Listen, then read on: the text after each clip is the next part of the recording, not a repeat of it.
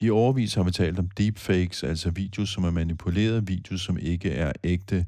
Men hidtil så har man kunnet se forskel på ægte og falsk video, men sådan er det ikke længere. OpenAI, firmaet bag ChatGPT, har lanceret en ny videomodel, hvor det praktisk taget er næsten umuligt at se, at videoen er genereret via tekst og ikke har noget som helst med virkelighed at gøre. Techtopia.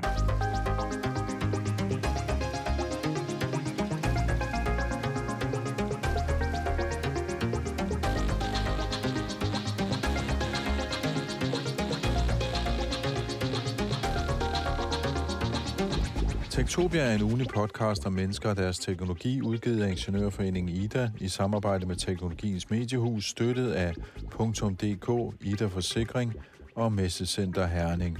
Mit navn er Henrik Føns, og det er mig, der bestemmer i Tektopia. Tektopia.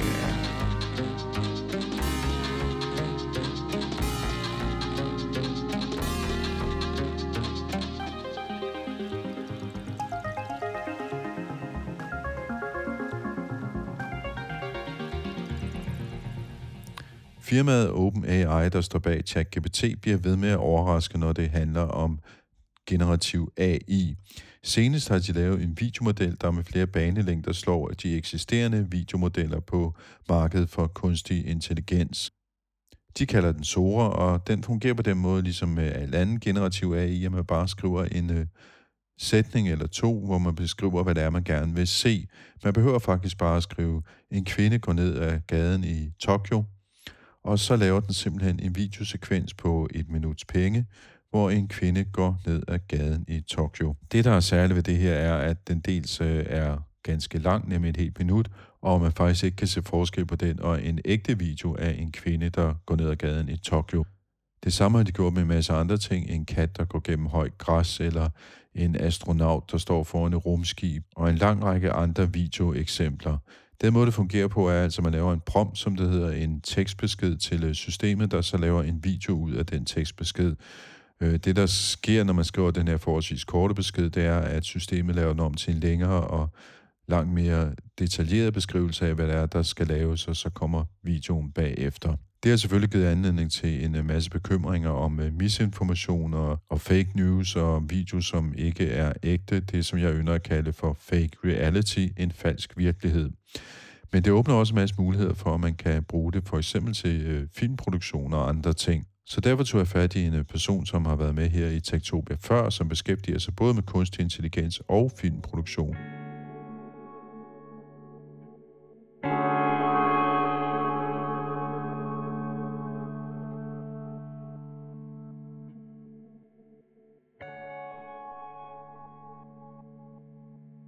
Mit navn er Esbjørn Torgart Kaspersen. Jeg er den tekniske leder i Kaspar AI, hvor vi laver øh, øh, kunstig intelligens til filmindustrien. Så vi øh, analyserer video, og så laver vi kunstig intelligens, der kan klippe videoer sammen. Øhm, så de her nye udviklinger, øh, som vi kommer til at tale om, er meget relevante for os. Og, og når, når du siger, du laver det der, så kommer du så oprindeligt fra filmindustrien, eller er du... Øh, eller Nej. kommer du fra, hvad skal man sige, øh, computersiden, altså koder, eller ingeniør, eller programmør? Jeg kommer faktisk fra midt imellem. Uh, jeg er en multimedieingeniør fra mediologi ude på Aalborg Universitet ude i Sydhavn, uh, hvor vi lærte både at programmere, men så også om filmteori og medieteknologi og alt sådan noget andet. Så jeg er den her meget midt imellem fyr, der både kan det meget tekniske, men også det mere sådan kunstneriske.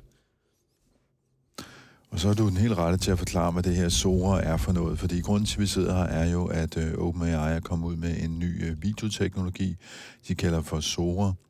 Øh, og de har offentliggjort en masse videoer på deres hjemmeside, som øh, ser temmelig naturlige ud, kan man sige. Dog, ja. hvis man sådan kigger på dem med lidt, lidt, lidt skarpere briller, så kan man godt se, at de måske ikke er virkelighed, men øhm, de ligner i hvert fald virkelighed, og de er væsentligt bedre, end det vi tidligere har set af, Helt af videoer, som generativ AI har lavet. Så det, vi skal snakke om, det er, hvad er det egentlig, der sker her? Hvad, hvad, er, det, hvad er det nye? Måske skulle vi starte faktisk med dine reaktioner. Altså, da du så det her, hvad tænkte du så? Ja, jeg tænkte, wow, altså det er ret revolutionerende. De har overført, hvad Midjourney ligesom har gjort for billedgenerering, har de overført til videogenerering. Øh, og det, der, der faktisk virkelig slog mig om kul, var, at de også kan lave klipninger. Øh, fordi det er jo lidt mere inde i, i hvad jeg egentlig går og laver øh, til dagligdags. Øh, så det, at deres model ligesom kan finde ud af, ikke bare generere en sekvens af videoframes, men at generere, nu, nu klipper vi fra øh, noget content til noget andet content, er, er en lidt vild øh, ting at, at kunne. Og ifølge deres tekniske rapport har de faktisk ikke sådan lært den øh, det, sådan, at, at de har ikke prøvet at lære den det, men det er noget, der bare er kommet ud af, hvordan de har trænet den. Den her video, det er en mand, der går hen til en flyvende tallerken. Ja. Og... I, I sådan et Mars-landskab. Hvad, hvad, hvad er det, der får den til at adskille sig, hvad det vi har set hidtil inden for den her genre? Det, der adskiller sig, er, at den, det er modellen selv, der genererer de her meget brætte ændringer i det visuelle materiale, det, som den genererer. Um, hvilket vil sige, at den faktisk har en, en eller anden forståelse for filmklipning på en eller anden måde. At den ved, at vi skal klippe fra det her meget øh, hvide skud af en astronaut, der går hen til en øh, flyvende tallerken, så klipper vi ind i tallerkenen øh, til en person, der er inde i, og så klipper vi ud til en hånd, der ligesom øh, sætter sig på døren og prøver at åbne døren. Så vi har et eller andet narrativt flow, øh, som den øh, laver. Er det godt narrativt flow? Det ved vi ikke. Eller det er det ikke rigtigt, men det er i hvert fald en lille historie, som den fortæller her. Øh, og som den selv har fundet ud af, hvordan den skal fortælle. Og øh, det, man kan sige om det her klip, det er også normalt, når vi har set de her sådan, uh, generative AI at lave video, så er det meget korte klip på sådan noget 2, 4, 7 sekunder, hvis man vil lave noget. Ikke? Altså, det her, det er jo helt op til et øh, minut, tror jeg, ikke? Ja, og, og det er ret vildt, at de har, har kunnet gøre det. Og, og måden, de har gjort det på, er simpelthen bare ved at, øh, at smide mere computerkraft efter den. Det er sådan helt simpelt. Det er det, de siger i deres rapport. Jo mere computerkraft du smider efter de her modeller, jo bedre bliver de. Så hvis de havde computerkraft nok, så kunne de generere en hel time? Ja, egentlig. Ja, altså noget sådan lidt tilfældigt her, så må man selv finde ud af, om der var en narrativ i det. Ja, det er jo sådan noget emergent narratives, øh, som de kan lave. Det, den måde, man, man skaber de her sådan, øh, videosekvenser på øh, som bruger, det er jo ligesom, når man skriver til ChatGPT, man skriver en eller anden, øh, laver en beskrivelse, det man kalder for en prompt. Ja. Så det er genereret ud fra tekst, det vi sidder og kigger på. Ja, det er det. Men modellen selv er lidt mere kompliceret end det. Um, så egentlig har modellen Sora tre dele, som er ret vigtige, og som de også går over i, i den her tekniske rapport.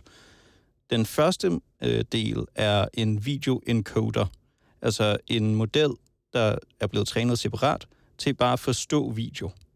Øhm, så, så den prøver ligesom at gå ind, når den får en eller anden tilfældig video fra internettet, så prøver den at forstå, hvad er det egentlig, der foregår i den her video. Øhm, de har så også en sprogencoder, ligesom med ChatGPT, at den forstår sprog, hvad du skriver. Og de her to modeller er faktisk blevet trænet til at, at ligne hinanden, at producere det samme output. Så, så øh, videoencoderen er faktisk blevet trænet til at sammenkoble en beskrivelse af en video med det visuelle øh, content af den video. Um, indhold, præcis. Det var det, jeg ledte efter. Um, og, og øh, ved at gøre det, så får de jo så en helt unik forståelse af, hvilke ord i en beskrivelse er det, der er sammenkoblet med hvilket indhold i den her video. Um, og den tredje komponent er jo så øh, den egentlige generator, øh, som de så kalder for Sora. Um, og som både kan generere ud fra det, som den her videoencoder giver den, men den kan også generere ud fra, hvad en øh, tekstmodel giver den. Fordi de netop er blevet trænet til at give det samme output. Og det gør netop, at de både kan lave de her videomanipulationer og lave det her videogenerering ud fra tekst. Hvis vi lige skulle dykke, en lille smule mere ned i, hvordan, hvordan de gør det der, fordi altså, det, det, sådan som jeg har forstået det, når man laver billeder med det, man kalder for diffusion, Ja. så får, hvad skal man sige, modellen, computeren, algoritmen der, får så en dybest set øh, et, et, et meget støjfyldt billede, Ja. hvor den så begynder ligesom at rense ud, lidt ligesom hvis man tager en svamp og, og renser kalk af et rør eller et eller andet, altså så fjerner man noget for ligesom at komme ind til det, som det i virkeligheden handler om. Og det, øh, det er en ny måde at gøre det her på. Øh, det er noget, som... Altså, det er ny og ny. Den er jo selvfølgelig været blevet brugt i et par år nu. Men det, der kom før de her diffusion-modeller, var noget, der hed GAN-modeller. Generative Adversarial Networks. Og hvad de prøvede at gøre, var egentlig bare at gå fra øh, et input til et output direkte. Altså gå fra et eller andet billede til et eller andet billede på én gang. Og det tog dem rigtig lang tid at gøre det, fordi det er en ret svær opgave, ligesom at generere noget fuldstændig nyt øh, med det samme. Hvad diffusion-modeller netop gør, er, at de prøver ikke at gøre hele processen på én gang, de prøver at gøre det lidt efter lidt. Og hver eneste gang, de har taget et lag støj af, så øh, reevaluerer de, hvor meget ligner det her billede egentlig, hvad jeg prøver at generere. Og det er det, der gør dem specielle, fordi de netop har den her feedback-mekanisme indbygget. At de, at de evaluerer sig selv øh, på en helt anden måde, end de her øh, Generative Adversarial Networks gør. Måden, det egentlig fungerer på, er, at de får den her øh, encoding, øh, enten fra tekstmodellen eller fra, fra den visuelle model. Og så hver eneste gang, de har genereret et billede, så prøver de at sammenligne det her billede med den encoding, de er blevet givet. Så de ligesom prøver at sige, jamen, jeg ved, at det her koncept er det, jeg skal hen til. Men jeg har nu lavet det her billede. Hvor tæt er det her billede på det koncept? Og det er sådan lidt svært at forstå selvfølgelig, hvordan de helt præcis gør det, øh, og vi kan, kan dykke mere ned i, i specifikkerne. Fordi der var faktisk her i den tekniske rapport, ikke at vi skal sidde og dissekere deres tekniske rapport, men for måske ved at forstå det, der var noget med en hund. Ja. Der er tre, tre forskellige videoer, og, og hvad skal man sige, den første video, det er en hund med en blå tophue og så en kvinde. Øh, og den første video, der ser den virkelig ud som et eller andet underligt monster, der var helt, helt mærkeligt at se på. Den næste video er den stadig lidt udtværet. Og den tredje video, der har du en super sød hund, som i slow motion hopper rundt foran sin ejer. Ja, og det øh, får egentlig at kunne forstå, hvad den her øh, progression faktisk betyder, hvad det er, de har gjort imellem dem. Der, der står meget basalt under hvert billede, at den meget, meget slørede hund er en base compute, den mindre sløret hund er en 4 gange compute, og den virkelig klare hund er 32 gange compute. Og det, det, det var det, jeg øh, snakkede om før, at de ligesom går ind og siger, jamen, jo mere computerkraft vi smider efter det her, jo bedre bliver outputtet. Um, men måden, de egentlig smider mere computerkraft efter det, er lidt mere komplekst. Um, og, og det, de faktisk bare gør på, på en måde, er, øh, er, at de går op i resolution. Altså opløsning af billedet. Ja, opløsningen altså, af billedet. Hvor, hvor klart er det? Så de siger, at det her, den klareste billede kommer af, at de giver et, øh, eller de træner på 1920 gange 1080 videoer, altså fuld HD-videoer. Det højeste res, øh, opløsning, som de ligesom har i deres datasæt. Øhm, men det tager jo så også rigtig meget computerkraft at gøre det. Så alle de andre videoer, alle de andre øh, metoder, som man ligesom har brugt før, der har de nedskaleret videoerne. Så de er en meget mindre størrelse. Og det er det, den første, det første eksempel her sikkert viser. At hvis du giver den et billede på 256 x 256 pixels i stedet for 1920 x 1080, jamen så får du bare et meget mere komprimeret billede, der ikke ser særligt godt ud, fordi den har ikke nok opløsning til ligesom at se, hvad koncepterne er øhm, i billedet. Så helt, helt basalt er det lidt ligesom at have et, hvad skal man sige, et, et, et, et foto, som er uskarpt, som jo naturligvis ikke kommer til at se så pænt ud, hvis man trykker det i avisen mod et øh, professionelt foto, som står knivskarp, og når man så trykker det, så ser det bedre ud. Altså, så basalt er det typisk set. Ja, sådan set. Og, og man kan så også gå videre og sige, jamen det er ligesom at, at give dig et billede, der er fuldstændig sløret, og prøve at få dig til at, at se, jamen hvad er det egentlig, der er i det her billede? Ja. Øh, og jo mindre opløsning der er, jo mindre chance er der for, at du præcis kan, kan sige, hvad det egentlig er. Kan man, kan man sige, at det handler om, hvor meget information der er i billedet? Ja, helt, ja. helt præcist. Øh, fordi når, når man kigger den der tekniske rapport, så er der også noget med, hvor jeg blev lidt forvirret, det der med, at de siger, jamen, de, de bryder det ned i mindre bestanddele, det er der, hvor de kan gøre det. De arbejder med noget, de kalder for patches. Øhm, ja.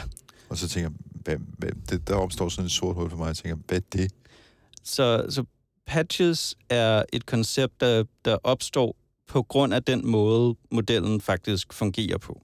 Fordi modellen Sora er en transformer-model.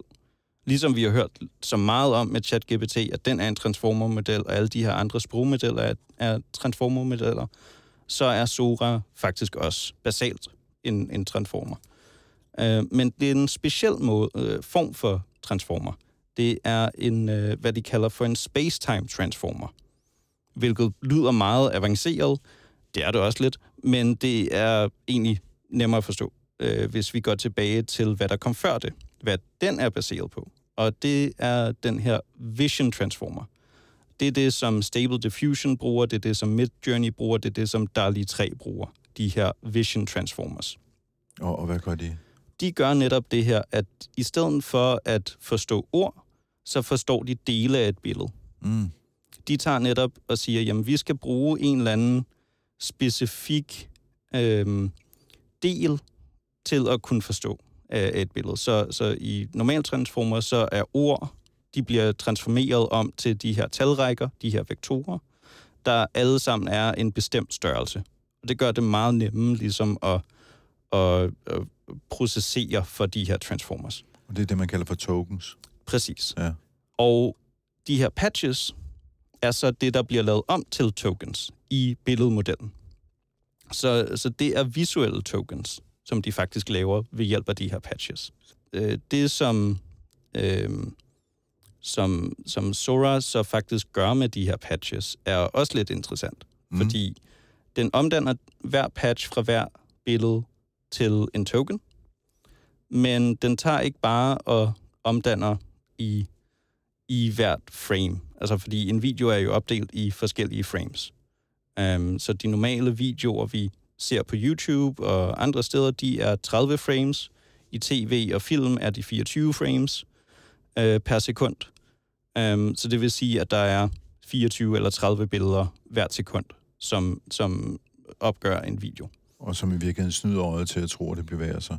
Ja, præcis. Ja. Og for ligesom at kunne generere en video, jamen så skal du jo så kunne generere 24 eller 30 frames hvert sekund, der ændre sig over tid. Og du skal jo så også forstå på en eller anden måde, hvordan de her ændringer, eller hvad det er i de originale videoer, du ligesom lærer på, der skaber de her ændringer. Hvad, altså, er det objekter, der bevæger sig rundt i videoerne? Er det noget andet øhm, fra, ja, fra beskrivelsen, der, der gør, at der er en ændring? Er det kameraet selv, der bevæger sig, for eksempel? Um, så hvad Sora faktisk gør, er, at de går først ind og analyserer hvert frame, og analyserer hver patch i hver frame i forhold til alle de andre patches, for at se, jamen, den her patch indeholder det her information, hvordan er det relateret til resten af framen? Så den ligesom forstår, at okay, den her patch er, er kun sort, men det er faktisk fordi, alt rundt om er, er meget beige, og alt rundt om er så mere orange, og der er noget blåt. Det er faktisk næsen på en hund. Men den her patch alene er bare sort. Så, så for ligesom at kunne forstå hver patch, skal den jo så forstå konteksten af patchen. Og det skal den jo... Det lyder som et stort puslespil. Det er et rigtig stort puslespil, og det er også derfor, det tager rigtig meget computerkraft at gøre. Øhm, fordi den skal lave så mange relationer. Øh, og øh, med Sora, Sora øh, er den jo så endnu mere kompleks, fordi den skal også gøre det over tid. Så den skal ikke bare se på, jamen i hver frame, hvad er den her patches relation til den her frame. Den skal også se over tid, hvordan ændres den her patch sig. Og det er det, de gør. At de tager både per frame, relaterer det, og så tager de hver patch igennem tiden, igennem alle de her forskellige frames, og ser på, hvordan har den ændret sig igennem den her tid. Og prøver ligesom at relatere den her ændring til noget, der er sket. Ja, fordi hvis du ser det i hundens næse, så når vi ser hunden hoppe rundt der, så flytter næsen sig jo.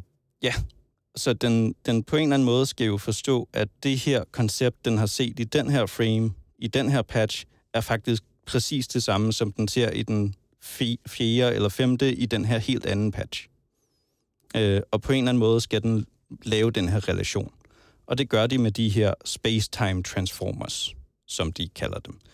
Og de siger faktisk ikke helt præcist, hvad det er, de gør i den tekniske rapport. Det her er noget, jeg lidt har, har sniffet mig frem til øh, fra andre papers, øh, andre artikler øh, på området, som jeg har læst, som bruger samme terminologi. Det kan godt være, at de gør noget fuldstændig anderledes. Det ved jeg ikke. Øh, men det er sådan det bedste guess, Gæt. øh, øh, som jeg har lige nu. Øh, når, man sidder og ser de her videoer, så kører de sådan et, øh, et loop, en, øh, en gentagelse. De kører sådan ja. hele tiden. Og man kan ligesom ikke se, hvornår de klipper fra slutningen til begyndelsen igen. Øh, og der er også noget med, at de, de, de, de skyldes, at de kan forlænge dem i tid, altså øh, gøre dem, øh, hvad skal man sige, se ud i fremtiden og se tilbage på, hvad der skete lige før. Ja, og det, det kommer faktisk helt tilbage til de her repræsentationer, som videoencoderen og som sprogencoderen lager omkring videoen. Fordi det er sådan, de gør det. Altså de her repræsentationer hedder, de, hedder latent vektorer. Øh, latent betyder egentlig bare skjult. Så det er de skjulte vektorer. Og meningen er, at, øh, at de skjulte vektorer ligesom opfanger informationen fra sproget eller fra videoen på en eller anden meget abstrakt måde fordi de øh, komprimerer det faktisk ret meget. Øhm, så de her skjulte vektorer, de går ind og, og øh, faktisk indeholder rigtig meget semantisk information omkring videoen eller omkring sproget, uden at indeholde de egentlige ord eller den egentlige video, der er blevet brugt. Uh, eller de egentlige pixels fra videoen. Og når, når du siger komprimere, der, der fjerner man jo i virkeligheden information for at få, få, få sit færdige resultat til at fylde mindre, ikke? Præcis. Ja. Øhm, så i tilfældet med øh, Sora, der bruger de sikkert en øh, vektor på cirka 16.000 tal, øh, 16.000 dimensioner, som de bruger. Øhm, men den her vek- vektor er ligesom blevet, øhm, blevet øh, encoded fra en video med 2 millioner pixels. Øhm, så man skal forestille sig, at de her 2 millioner pixels faktisk er blevet komprimeret ned til 16.000 tal. Og det er en ret stor komprimering. 16.000 tal er selvfølgelig ret mange tal, men det er intet i forhold til 2 millioner. Um, og, og hvorfor er det, man gør det? For at få um, de her meget abstrakte koncepter udredt fra videoen. Fordi ellers så, så ender du med, at, at din øh, AI faktisk bare går og, og pixel for pixel replikerer dit træningsmateriale. Altså, for, hvis du bare giver den pixelværdierne og prøver at få den til at genskabe pixelværdierne, jamen så kan du meget hurtigt komme ud for, at den, at den bare replikerer direkte. Okay, så skaber den ikke originalt indhold. Ja, øhm, og det vil man jo ikke have. Altså, hvis du gerne vil øh, kunne, kunne øh, skabe noget nyt bare med sprog, jamen så vil du gerne have, at hver eneste gang du skriver noget, så får du ikke bare noget fra, fra træningsmaterialet, du får faktisk noget helt originalt. Så det er en form for benspænd for den kunstige intelligens her, at man siger, jamen øh, du, du, du, vi, vi begrænser dig på en eller anden måde, så du bliver nødt til at finde på en anden løsning. Ja, præcis. Og du det, det er bliver nødt... ligesom en dogmefilm. ja. Øhm, og, og, og du bliver nødt til at finde på en løsning, der finder det rigtige information.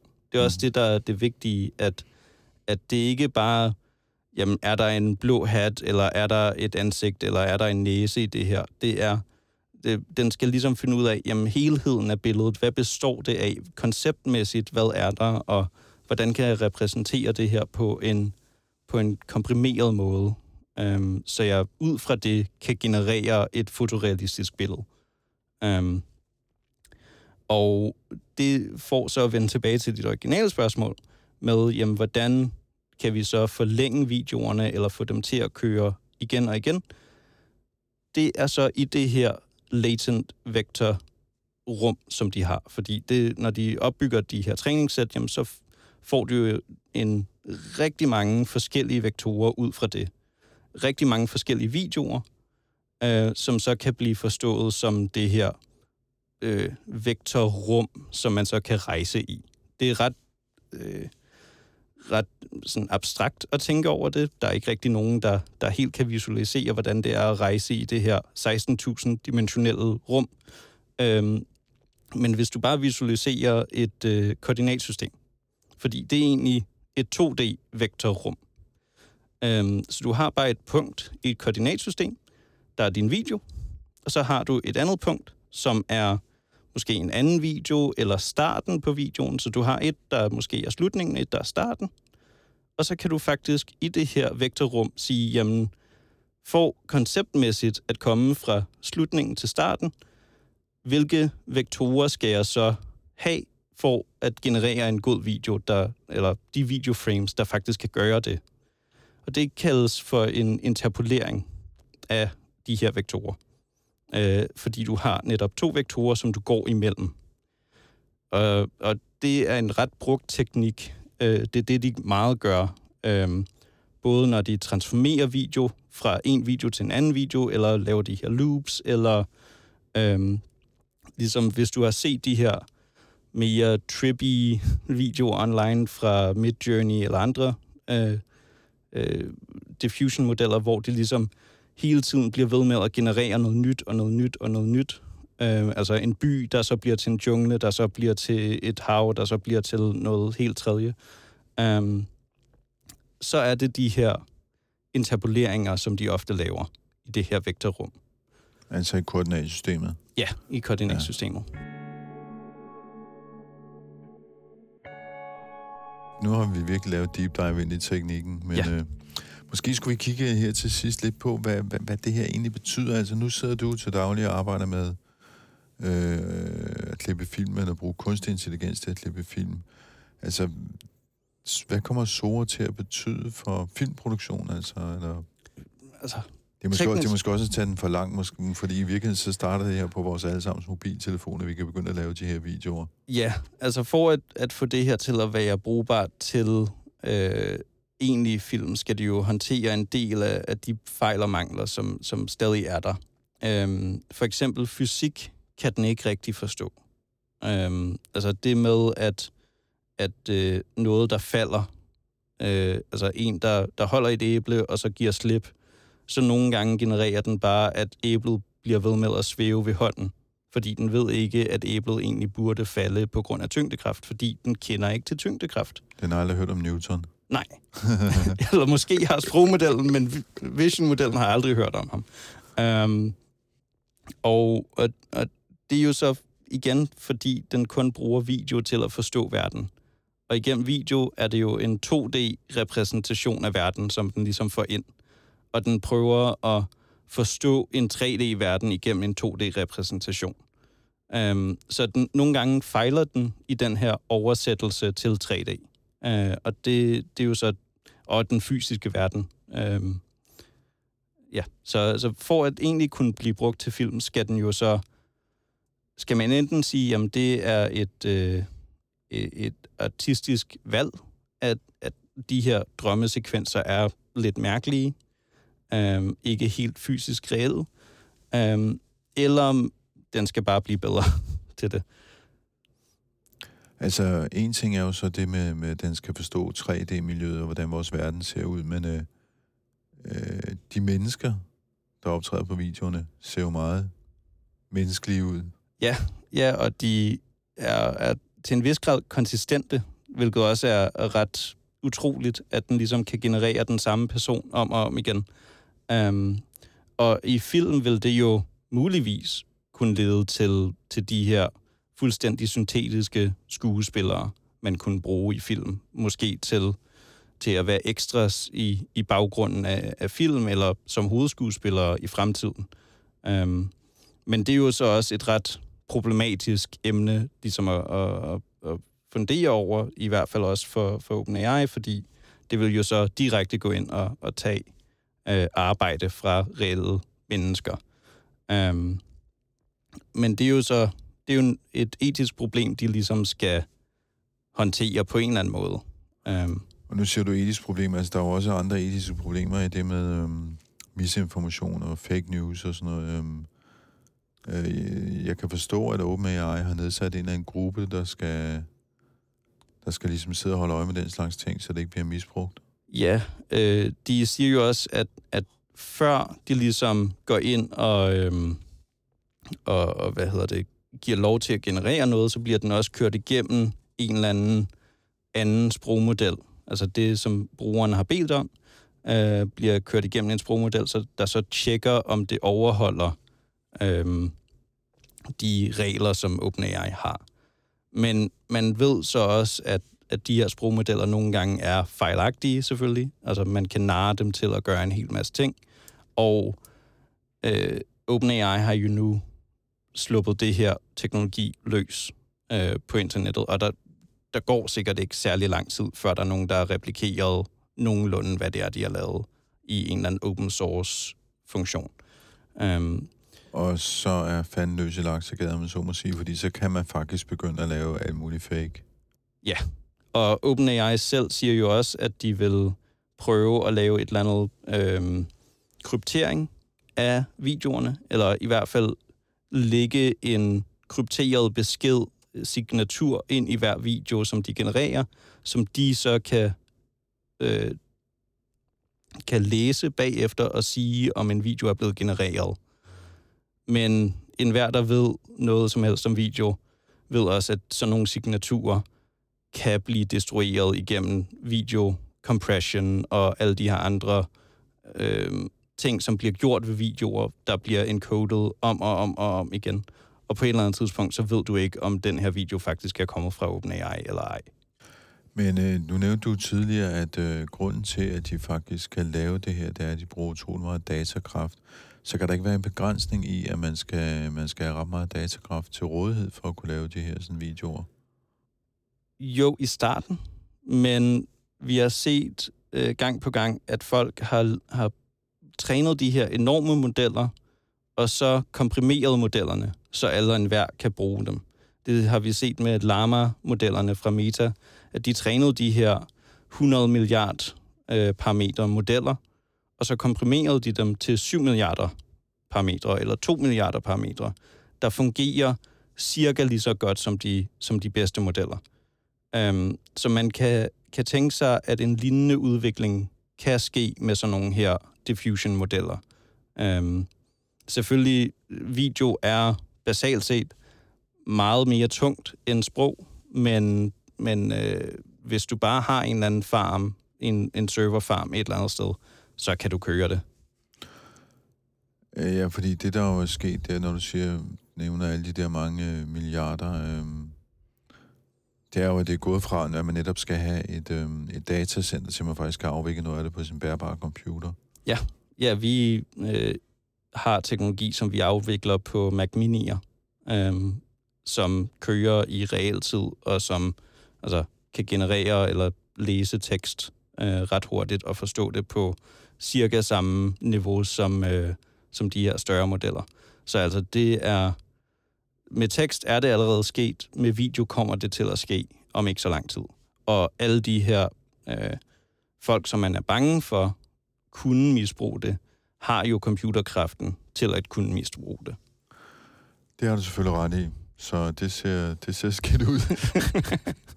Nå, øh, øh, øh, til allersidst, ikke? fordi det, det, det, vi jo har siddet og kigget på her, det er jo stadig, som vi så har snakket om, sådan et, øh, et forskningspaper fra OpenAI. Så hvornår tror du, det her det bliver sluppet løs, så vi alle sammen kan, kan lege med det? Altså, de, de siger jo lige nu, at de red teamer det, hvilket betyder, at de har nogle folk, der med vilje prøver at bryde systemet på alle de måder, de kan. Så, så længe de her red teams finder fejl og mangler i systemet, så håber jeg da, at OpenAI holder det lukket. Men jeg tror, inden for et halvt år, vil jeg sige, at, at de udgiver det på en eller anden måde. Det, det var det, der skete med øh, GPT-modellerne, chat-GPT-modellerne, at de, at de netop red teamede det i cirka fire måneder, og så udgav de dem.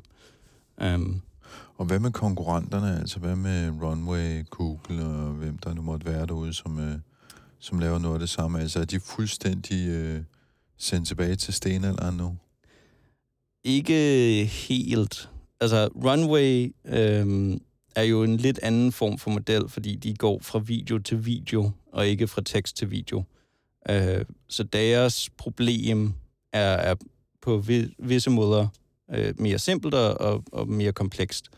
Um, men øh, så, så de skal nok sådan komme op på samme niveau relativt hurtigt, hvis de bare smider nok computerkraft efter det. Altså, OpenAI har tydeligvis bare sagt, jamen, jamen det vi gjorde var fuld HD-video ind og fuld HD-video ud, og så var det det. Um, og her er den måde, vi også genererede de beskrivelser af videoerne, øh, som, vi, som vi brugte, fordi de, de brugte den samme øh, metode, som de brugte til DALI 3, så den metode er allerede veldokumenteret. Så altså, Runway skal nok øh, komme op på det. Stable øh, Video Diffusion skal nok også, øh, altså Stability AI. Um, øhm, Google, øh, de har jo lige udgivet Gemini Pro øh, 1.5, som virker mere som den her videoencoder, end det egentlig er en videogenerator. Um, så det kan være, at de sigter efter bare at blive, blive den encoder, som alle bruger til de her videogeneratorer, og laver deres business på den måde, fordi de tænker, jamen vi kan ikke rigtig følge med på den her bølge. Eller også så kan de. Det er jo det, er jo det der sker så meget i, i alle de her store firmaer. Man, man ved nærmest ikke, hvad, hvad man skal sådan spå om, fordi de kommer til at modbevise en inden for to-tre måneder. Mm. Super spændende. Esbjørn, du skal have tusind tak, fordi du kom i studiet her i Tektopia og Jamen, gav tak. sådan en, en dyb forklaring af, hvad det her store egentlig er for ja. en størrelse, og hvorfor det ser så imponerende ud, og hvad vi kan forvente os af det, eller måske øh, hvor det kommer til at skuffe os. Ja. Det... Indtil videre, så kan, man, så kan man i hvert fald gå ind på OpenAI's hjemmeside og se en masse video-eksempler, øh, og man kan også selv læse den her sådan, øh, rapport, de har lavet, som... Mm, jeg vil ikke sige, at den er svær at forstå, men altså, der er jo der er tekniske ting i det, men det, det, det, det kan være sådan en god aftenunderholdning, i stedet for at sidde og se X-Factor, eller hvad man nu ellers skal spille sin tid på. ja.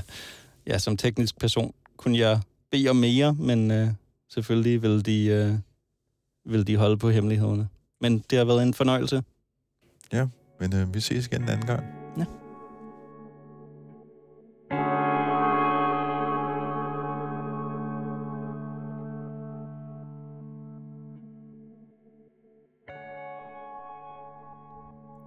Ja, og det sagde altså Esbjørn Thorgård Kaspersen fra Kasper AI, hvor, hvor han altså sidder og bruger kunstig intelligens til at klippe film med. Øh, han er gang i et spændende projekt, som vi vender tilbage til ved en senere lejlighed. Lige her nu skal vi have et podkort fra Ingeniørens podcast, Transformator. For seks år siden stod vi i Transformator og fortalte om alle de håbefulde spådomme om selvkørende biler, der strømmede ind fra alle de største tech-virksomheder og bilproducenter. Senest i 2020 vil vi se selvkørende biler på gaden. I den her uges Transformator står vi der så igen og gør status. Selvkørende biler? Nej, kun i små enkelte forsøg, der bliver lukket ned et efter et, og producenterne, de lukker deres projekter ned et efter et. Til gengæld så bliver alle nye bilejere konstant distraheret af bimlen og bamlen fra automatikken i nye biler. Lyt med i denne uges Transformator, hvor vi fortæller om det lydhelvede, der rammer valerne i ishavet, efterhånden som det varmes op, hvor vi også lige skal se tilbage på, hvordan det der radiohalløj egentlig blev opfundet, inden tiden gik i lave. Transformator ser denne uge frem og tilbage i tiden. Du har lyttet til Tektopia. Du kan finde tidligere episoder på tektopia.dk. Du kan følge os på diverse sociale medier. Øh, på Instagram og X, der hedder vi for eksempel øh, snabelagtektopia.dk.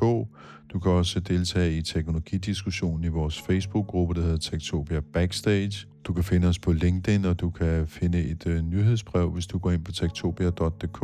Og så kan du altid skrive til mig på henriksnabelag.tektopia.dk, hvis du har ris og ros og gode idéer til, hvad vi skal kaste os over her i podcasten.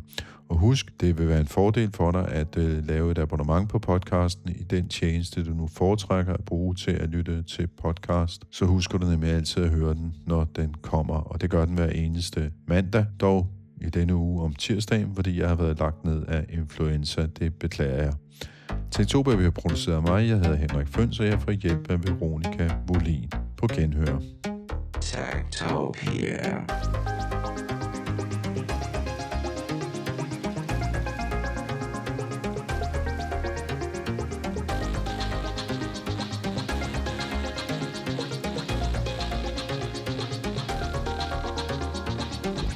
Tektopia er en ugenlig podcast om mennesker og deres teknologi, udgivet af Ingeniørforeningen IDA i samarbejde med Teknologiens Mediehus, støttet af .dk, IDA Forsikring og Messecenter Herning.